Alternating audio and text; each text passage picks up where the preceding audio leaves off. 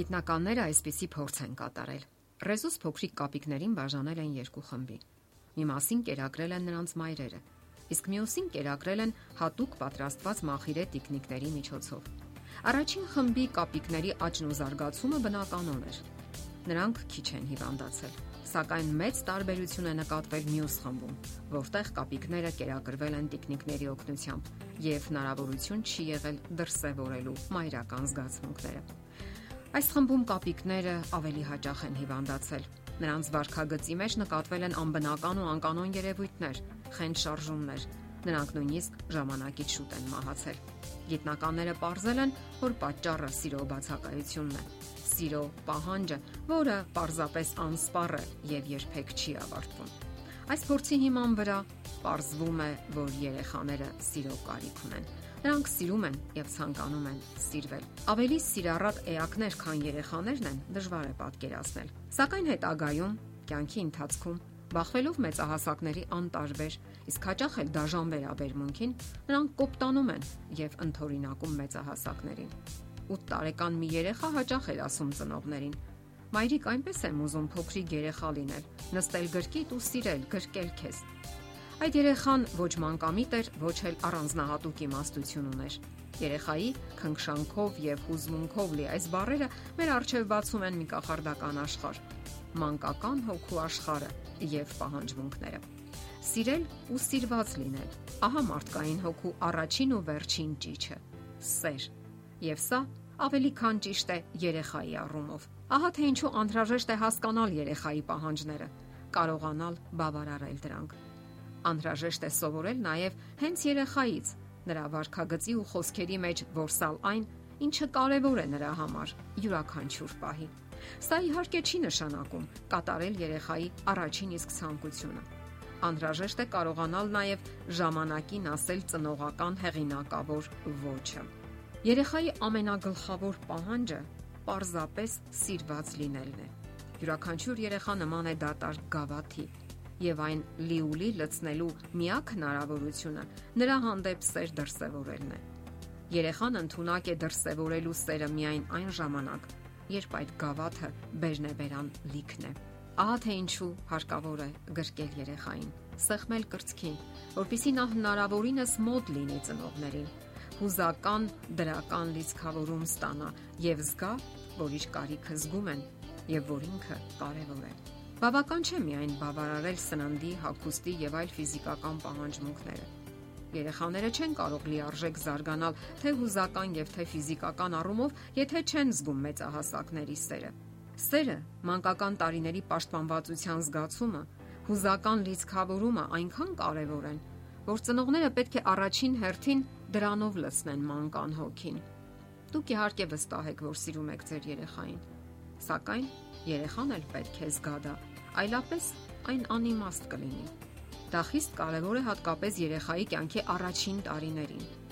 Երեխաները հաճախ են հարցնում ծնողներին. Դու սիրում ես ինձ։ Իսկ ծնողների պատասխանը համարյա միանշանակ է։ Դու ինչպես կարող ես կասկածել։ Չէ որ ես հոգում եմ քեզ համար, տալիս այն, ինչի կարիքը ունես։ Երեխաները լսելով այս պատասխանը, այնուամենայնիվ, իրենց սիրված չեն զգում։ Ասենք որ այնքան էլ հեշտ չէ խაფել երեխային եւ փորձել սիրո նմանակում անել։ Նրանք արագ են որսում կեղծիքը եւ հասկանում մեծերի վերաբերմունքը։ Նրանք այն կարծիքին են, որ իրենց սիրում են այն ժամանակ,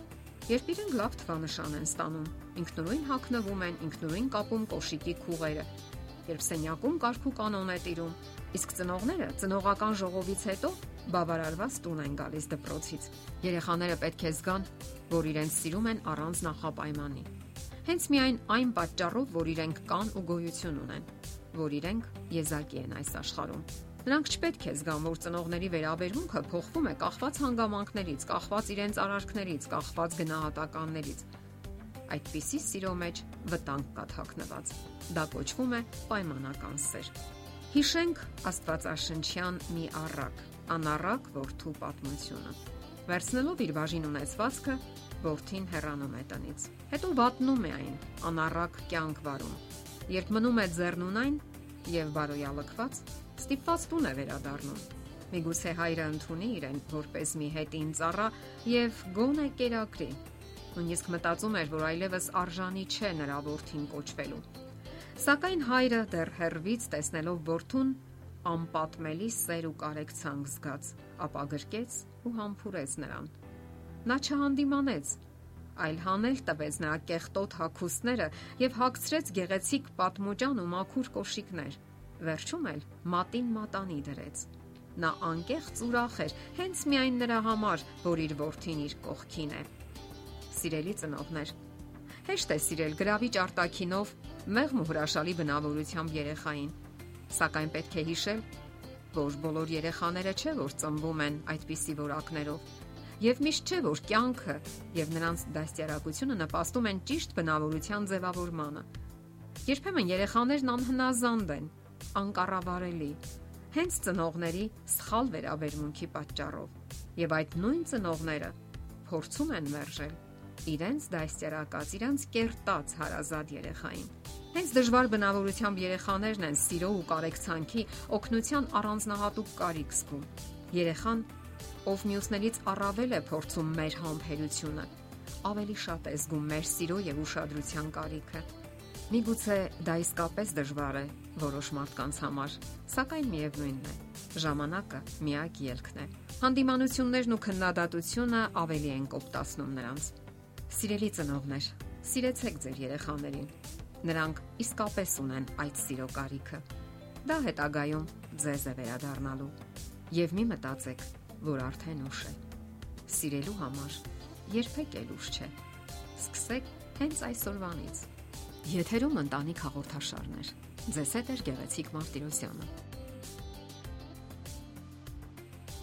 Հարցերի եւ առաջարկությունների դեպքում զանգահարեք 094 08 2093 հեռախոսահամարով։ Հետևեք մեզ hopmedia.am հասցեով։